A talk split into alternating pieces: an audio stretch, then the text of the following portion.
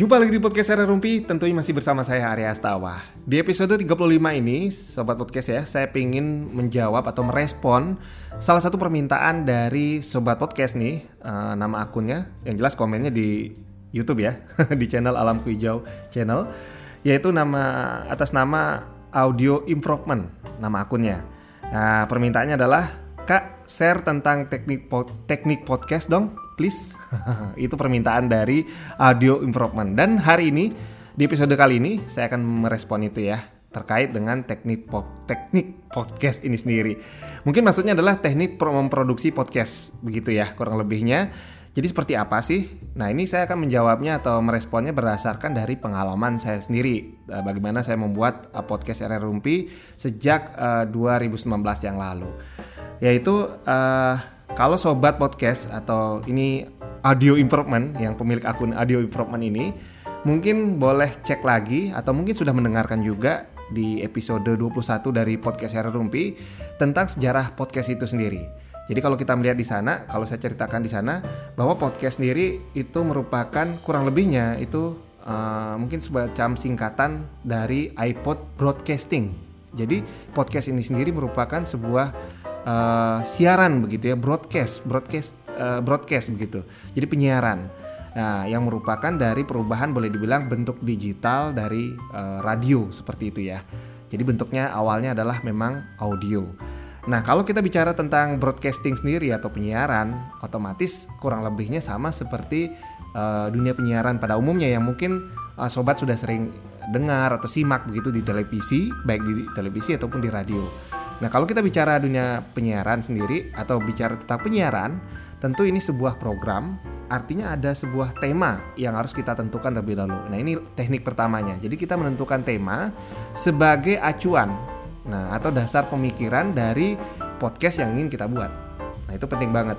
Ya, jadi nggak ujuk-ujuk kita oh kayak menarik nih topik ini saya buat aja. Nggak nggak nggak. Nggak seperti itu. Tentuin dulu kalau sobat hari ini mau bikin podcast tentukan dulu tema besar atau dasar pemikiran atau boleh dibilang pokok pemikiran dari podcast yang ingin sobat buat. Nah ini yang akan menentukan atau mempermudah sobat nanti untuk um, topik-topik apa yang mau diangkat. Misalkan seperti di podcast era rumpi sendiri. Podcast era rumpi sendiri saya memang tema besarnya adalah uh, ada tujuan di sana ya pokok pemikiran adalah bagaimana saya membuat sebuah penyiaran uh, baik itu monolog seperti sekarang begitu ya ataupun mengundang tamu yang sifatnya bisa menginspirasi, mengedukasi dan juga memberikan informasi uh, seperti hari ini. Nah tentunya dengan uh, tema besar ini saya berharap bisa menghibur uh, atau memuaskan bagi para penikmat podcast sendiri yaitu sobat sendiri seperti itu. Nah dari tema-tema inilah kita saya bisa menentukan topik-topik apa, tamu-tamu siapa yang harus saya undang agar bisa menginspirasi, mengedukasi, memberikan informasi yang tentunya bisa menghibur atau bermanfaat buat uh, sobat begitu. Nah contoh lainnya adalah misalkan tema yang sobat mau buat adalah tentang horor begitu ya. Temanya tentang horor gitu. Tentang kehororan. Nah topik-topiknya bisa saja tentang bangunan tua di suatu tempat begitu ya. Rumah sakit tua yang lama ditinggalkan seperti itu. Misalkan ada cerita horornya seperti itu. Tapi temanya harus ditentukan. Atau tema yang lain adalah pertanian misalkan ya.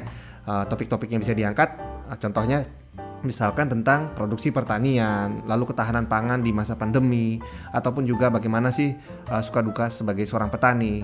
Nah, bisa diundang narasumbernya atau menceritakan secara monolog dari data-data yang teman peroleh. Sekali lagi dengan tema ini itu menjadi semacam uh, apa ya? Sekali pokok pemikiran dasar yang bisa sobat gunakan untuk mempermudah membuat podcast atau topik-topik yang sobat mau angkat. Dan kuncinya adalah saran saya adalah ketika sobat menentukan tema, jangan sekali-sekali uh, apa ya mengambil tema itu sifatnya latah. Nah ini pentingnya tema juga. Usahakan tema yang sobat ambil atau pilih untuk podcastnya bagi yang mau buat podcast adalah tema yang sesuai dengan kesukaan. Uh, kesukaan itu bisa apa ya?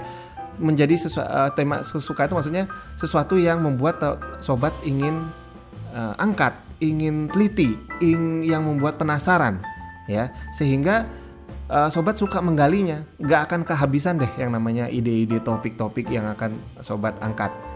Catatannya adalah tema itu yang sobat sukai, ya, yang buat sobat penasaran, yang sobat uh, membuat sobat itu bergairah untuk terus berkarya. Nah, seperti itu kurang lebihnya itu saran dari saya.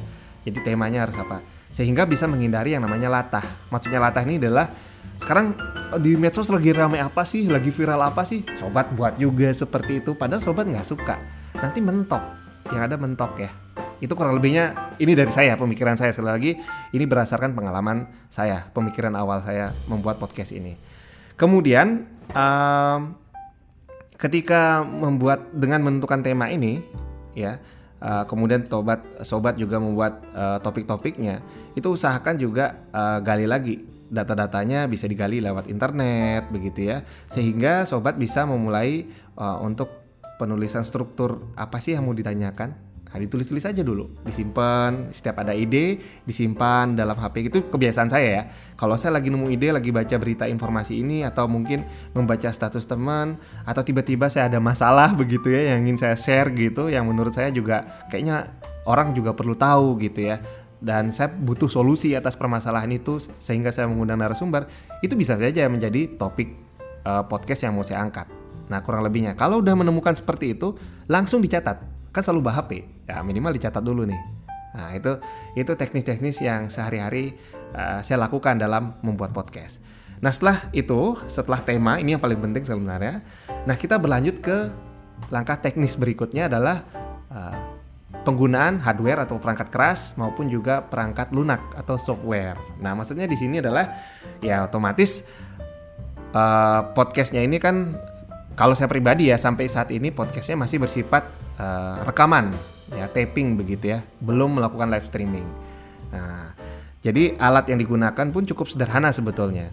Tapi sekali lagi uh, yang jadi pertanyaan ketika penggunaan alat ini yang paling penting adalah podcastnya mau bersifat audio atau video atau dua-duanya.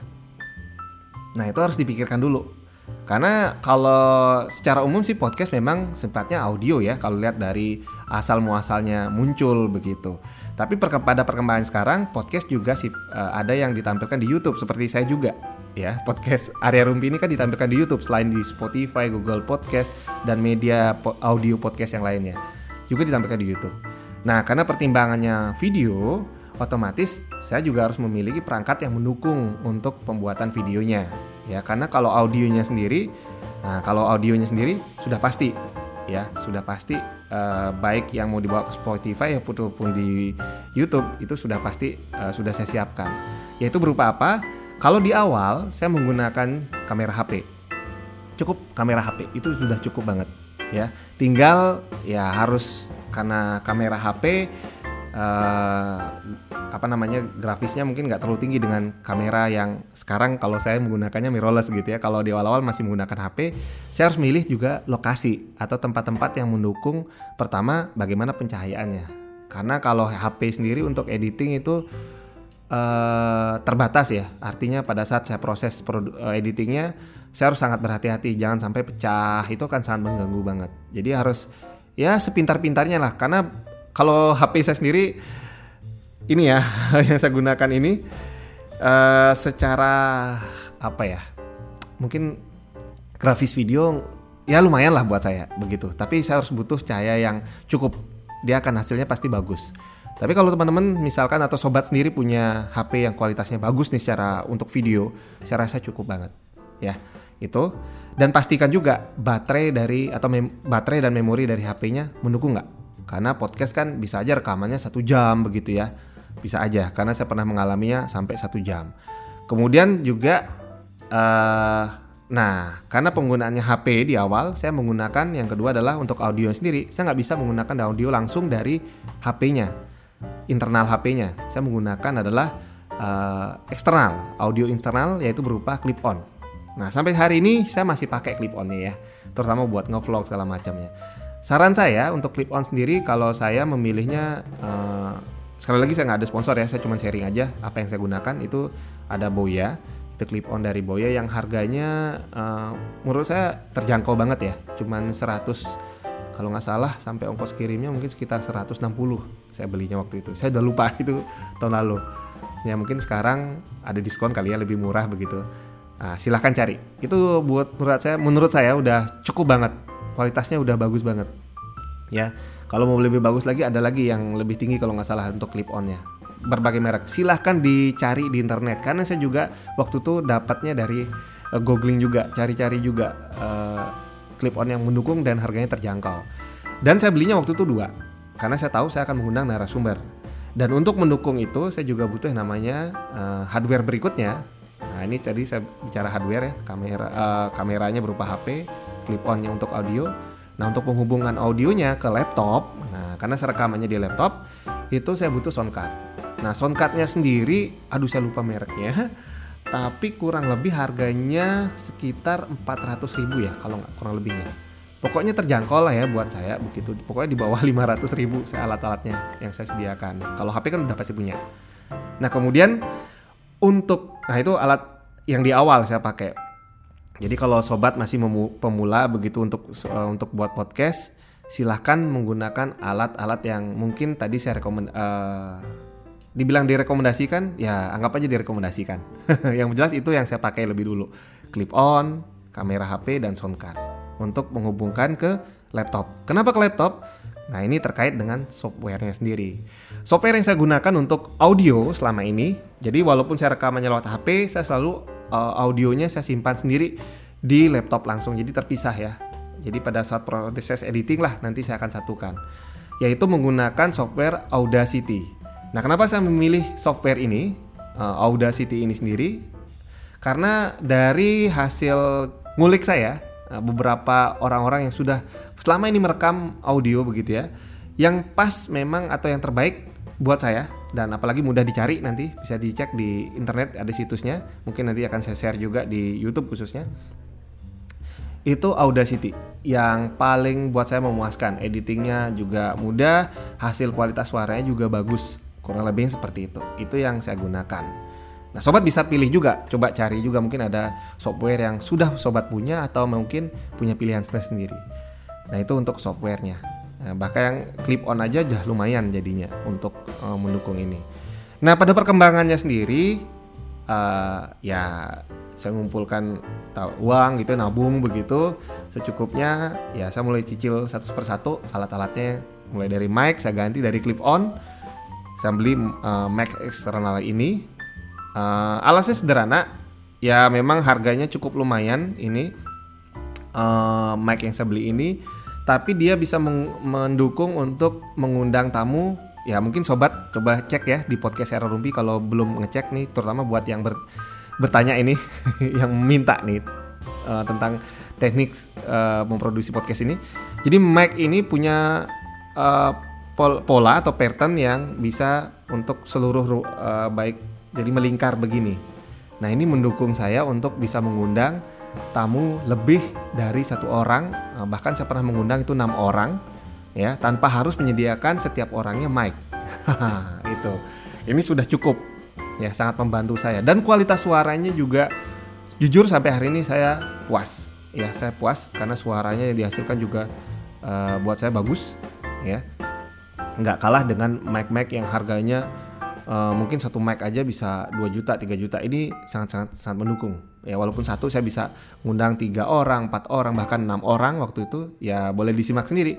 Kualitas suaranya cukup menurut saya uh, jelas dan jernih gitu ya dalam obrolan. Nah itu. Dan kemudian saya juga menggunakan hari ini uh, ada lampu buatan di sebelah sini. Nanti mungkin saya munculkan juga. Ini buat saya sendiri. Jadi modal kalau yang ini mah murah banget ya. Itu pun saya belajar dari YouTube. Ya saya menggunakan lampu untuk mendukung penyinaran tapi kadang-kadang kalau nggak lagi di rumah seperti sekarang ini, saya rekamannya di cafe ya, seperti yang podcast podcast saya biasanya mengundang tamu. Alasannya sederhana, uh, di kafenya suaranya teredam, itu enaknya. Kemudian pencahayaannya juga bagus. Nah, sobat mungkin kalau mau coba silakan. Coba mungkin punya uh, sobat punya kawan begitu ya so, uh, sahabat yang punya kafe gitu kafenya bagus gitu. Seperti beli toilet tempat saya uh, rekaman podcast biasanya. Nah mungkin coba di lobby begitu ya buat rekaman podcast sana. Kalau sifatnya video podcast. Tapi kalau cuman audio ya itu tadi cukup alatnya hanya Audacity untuk software, kemudian alat rekamnya ada clip on ataupun juga beli mic ya nabung lah kalau pingin punya mic juga yang menurut temen itu bisa memuaskan dalam produksi podcast. Oke. Okay? Nah, uh, yang terakhir adalah teknik berikutnya adalah, nah pada saat kenapa tadi saya katakan antara gambar, terutama sekali lagi yang buat video ya gitu ya, antara video atau gambar uh, dengan audio saya pisah, karena sekali lagi itu memudahkan saya untuk uh, mendapatkan kualitas yang terbaik, baik dari segi gambar ataupun juga audionya.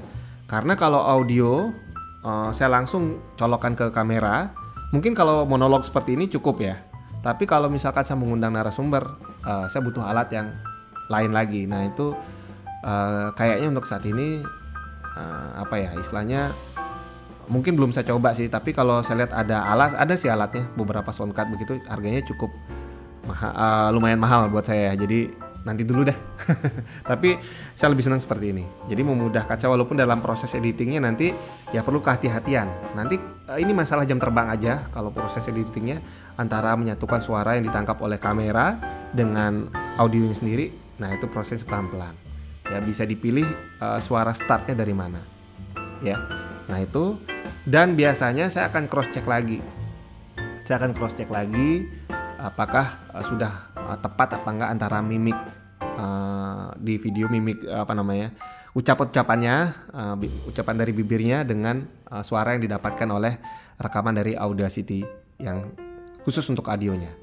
Nah itu kalau yang video untuk video podcast seperti itu kurang lebihnya. Tapi kalau audio ya langsung aja tinggal rekaman yang di audionya nanti itu tinggal diolah ya nanti ada sendiri pengolahannya untuk di audio uh, Audacity-nya. Kalau belum pas atau kalau udah penjelasan teknik produksinya udah puas seperti ini uh, oke okay, saya cukupkan. Tapi kalau belum pas nanti bisa detailnya saya jelaskan lagi bagaimana proses editing di Audacity. Ya kurang lebih seperti itu. Nah sekali lagi saya ingatkan poin utamanya adalah yaitu tadi tema saya ulangi lagi temanya untuk mempermudah dalam menentukan topik-topik yang mau diangkat tentunya dengan catatan yang disukai. Yang kedua adalah menentukan software ya. Uh, perangkat lunaknya yang mau digunakan. Dalam hal ini kalau saya cuma makainya Audacity untuk audio. Untuk editingnya video kalau video biasa lah ya Adobe Premiere uh, Pro. Uh, yang tahun 2019 kemudian untuk uh, hardwarenya saya rasa itu tadi. Saya cukup. Kalau teman-teman hari ini uh, seadanya baru ada pingin cepat produksi ya udah. Clip on sound card kalau pingin ngundang tamu kalau nggak cuma monolog seperti ini saya cukup clip on aja. Ya colokan ke uh, laptopnya. Tapi dicek juga ya clip onnya mendukung nggak? Kalau memang nggak mendukung ya sediakan sound card. Seperti itu. Cukup itu aja. Tapi kalau mau buat videonya tambahkan dengan uh, kamera. Baik itu kamera HP ataupun kalau memang sudah punya kamera pocket misalkan itu udah cukup banget ya. Kamera pocket cukup banget. Yang harganya murah bisa beli kamera yang second begitu ya. Atau pakai GoPro second beli aja yang second gitu ya. Hanya hanya untuk rekaman seperti ini cukup banget. Ya tinggal ditambahkan pencahayaannya kalau untuk video. Nah pada prosesnya sendiri uh, uh, penampilan di uh, apa namanya proses produksi editingnya sampai ke hasil nah mungkin bisa ditambahkan dengan uh, pro apa namanya semacam bridging begitu ya pembukaan nah itu bisa dibuatkan sendiri kebetulan waktu itu kalau saya pribadi itu memang uh, tamu saya yang di kalau nggak salah di episode kedua untuk episode kedua itu uh, Sanjiwani dia memang jago untuk nulis kaligrafi. Jadi saya minta tuh tulis itu sambil saya rekam dan sampai hari ini itu masih menjadi bridging dari podcast Era Rumpi. Ya, termasuk juga pemilihan dari nah ini lagi. Kalau saya podcast itu kan ada macam-macam ya. Ada yang cuman suara aja tanpa menggunakan backsound. Backsoundnya hanya pada saat bridging dan penutup. Kalau saya pribadi di podcast Era Rumpi saya memilih untuk uh, backsound jalan terus dari awal bridging, pembukaan sampai penutup. Kenapa? Karena memang dari awal saya sendiri pernah di radio begitu, jadi saya memang pingin seperti di radio, jadi ada backsoundnya. Itu membuat orang uh, mendengarkan podcast itu makin nyaman. Kalau buat saya ya, ya itu kurang lebih seperti itu. Jadi pilihkanlah kalau memang seperti itu, kalau sobat juga mau seperti itu, pilihlah uh, backsound yang kira-kira nyaman ya untuk didengarkan sambil mendengarkan obrolan atau cerita dari sobat sendiri uh, terkait topiknya seperti itu. Nah catatan uh, itu jadi tambahan saya buat bridging dan penutupnya. Buat yang semenarik mungkin ya, yang menjadi ciri khas dari podcastnya sobat sendiri. Nah kurang lebihnya itu cara memproduksi uh, podcast dari Area Rumpi yang saya lakukan selama ini. Uh, mungkin tambahan saya adalah uh, apa namanya penting juga buat sobat melihat juga mungkin sesekali bertanya kepada uh, sobat medsosnya begitu ya. Di share setelah di share kira-kira ada respon nggak seperti hari ini? Saya juga menjawab pertanyaan dari audio improvement akun akun itu ya. Kemudian juga ada beberapa mungkin pertanyaan dari mungkin melempar topik ke sobat-sobat podcastnya begitu ya. Sesuai dengan temanya sobat sendiri gitu ya topik-topik yang mau diangkat dilempar dulu ke sobat podcastnya. Bagaimana responnya itu juga membantu kita untuk um, membuat topik-topik berikutnya. Nah itu kurang lebihnya. Kalau selama ini proses teknis-teknis produksi dari podcast RR Rumpi Oke, semoga uh, ulasan saya, cerita saya hari ini, informasi yang dibagikan di sini tentang terkait dengan permintaan dari akun atas nama Audio Improvement mengenai teknik pembuatan podcast atau memproduksi podcast, kurang lebihnya seperti itu. Semoga memuaskan dan kalau ada pertanyaan masih ada pertanyaan, silahkan sampaikan di kolom komentar, terutama di uh, yang saya share di YouTube. Sampai jumpa di episode selanjutnya.